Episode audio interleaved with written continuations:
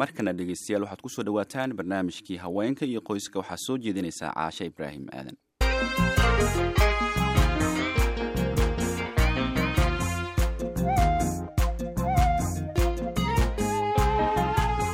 Kulanti wanaagsan dhegaystayaal barnaamijka haweenka iyo qoyska ee toddobaadkan waxaan ku soo qaadanayaa waraysi ku saabsan dareenka hooyo maraykan ah oo carruur u dhashay wiil soomaaliyeed oo dhowr bilood ka hor laga musaafuriyey dalkan maraykanka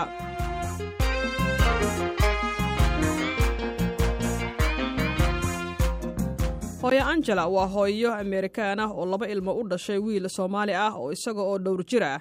Ay waalidkiis keeneen dalkan maraykanka. Kana mid ahaa dhallinyaro horaantii sanadkan laga dejiyey garoonka aadan cadde ee magaalada muqdisho kadib markii lagu eedeeyey inuu dhowr mar dembiye kala duwan ku galay dalkan. Hooyo angela ayaa iyadoo ku sugan gobolka iowa waxay ka warramaysaa siday u aragto in aabbaha carruurteed loo musaafuriyo dal ay adag tahay in dadka shisheeyaha ah ay ku noolaadaan xilligan marka la eego xaaladda ammaanka waxay sidoo kale ka hadlaysaa sida uusan marnaba qorshaheeda ugu jirin inay carruurteeda ugu geyso aabbahood soomaaliya si ay u soo arkaan amaba ay ula noolaadaan haddii ay doonaan.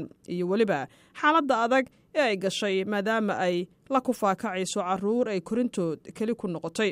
Waxay marka hore ka jawaabaysaa sida uu yahay dareenkeeda ku aadan dib u celinta aabbaha carruurteeda it's like still feels unbelievable because I never thought in a million years that, you know, my kids wouldn't have a father. waxay tiri waa mid weli madaxayga ka degela maxaa yeelay marnaba isma aanan lahayn carruurtaada ayaa aabbala'aan ahaanaya.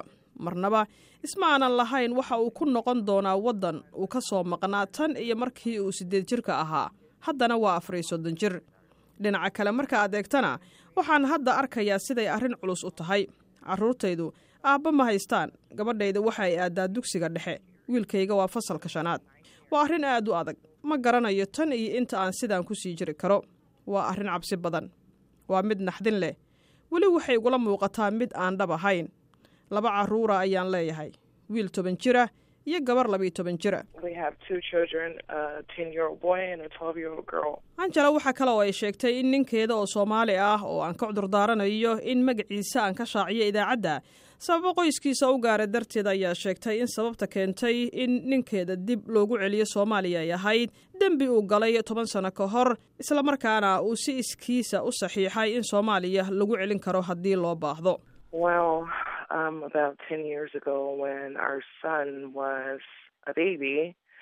Um, I think he was arrested for license, driving license or something. waxay tiri toban sano ka hor markii uu wiilkeenna yar ahaa ilmo yar ayaa waxaa loo xiray arrimo la xidhiira sharciga wadista gaadiidka markii ay xireen kadib sharcigiisa uu ku jooga waddankan ay hakadgeliyeen kadib toddobaad ayaa waxaa u yimid howlwadeennada hay'adda socdaalka waxa ay geeyeen alabama waxay halkaasi ku hayeen sanad iyo bar taas oo uusan ka warhaynin sababtoo ah afar iyo labaatan jir ayuu ahaa xilligaasi. Mana garanayn sharciga. Waxay u sheegeen in haddii uu si iskiisa u saxiixo waraaqaha dib u celinta ay sii dayn doonaan. Wax kale oo u bannaanaa ma jirno aan ahayn inuu saxiixo waraaqaha. Inkastoo aan u sheegnay inuusan saxiixin waraaqahaasi taas ayaa dhacday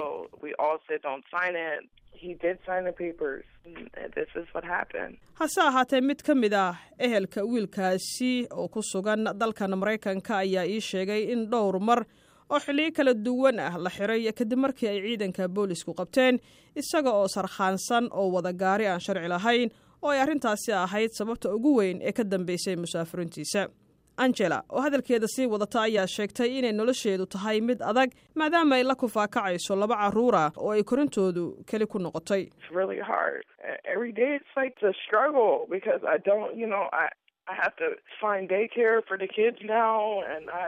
Dhab ahaan waa mid adag. Jihaad ayaan maalin kasta ku jiraa waa inaan helaa meel ilmaha la iigu hayo. Waa inaan shaqo tago. Carruurteedu waxay leeyihiin iskuul. Kubadda kolayga ayay cayaaraan. Hal qof ayaan ahay ma kari karo. Wax kasta way adag yihiin. Ma filayn inaan xaaladdan geli doono. Mar waliba waan wada joognay. Markaa marnaba ma rumaysan sida ay xaalad adag u tahay in keligaa ilmo aad koriso. Ma garanayo si kale oo aan u fasiro. Waxa ay carruurtii weyddiiyaan goortuu aabbahood soo noqonayo. Uma sheegin in xaqiiqdu tahay inuusan soo noqonayn laakiin ma fahmayaan taa.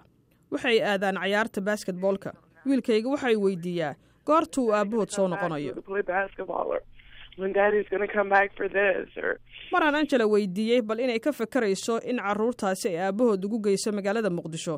Mar haddii uusan isagu soo noqon karin ayay ku jawaabtay.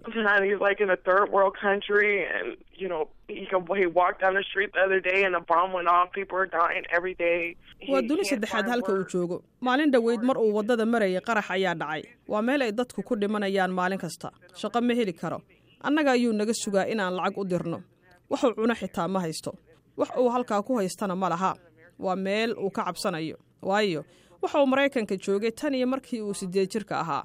Marka inuu ku noqdo meel ay ka jiraan qaraxyo iyo dagaal waa mid run ahaantii aad ugu adag. Mana garanayo waxa ku dhici doona angela waxa uu ninkeeda oo hadda ku sugan magaalada muqdisho ka mid ahaa boqolaal dhallinyaro ah oo soomaali ah oo laga masaafuriyey dalkan maraykanka dhowr iyo tobankii bilood ee la soo dhaafay kuwaas oo ay dowladda maraykanka ku eedeysay inay dembiye kala duwan galeen muddadii ay joogeen dalkan halka kuwo kalena ay ku eedeysay inay si sharci darro ah ku soo galeen maraykanka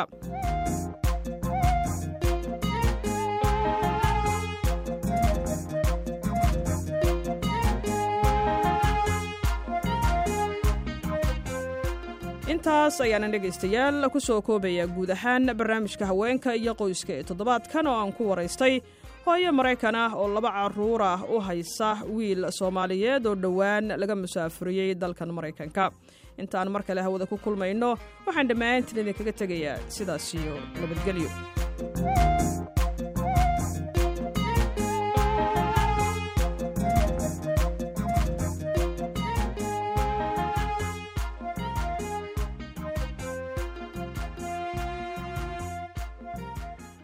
caashe ibraahim aadan iyo barnaamijkii haweenkii qoyska dhegaystayaal intaa haynoo jooga aad ayay u mahadsantahay caasho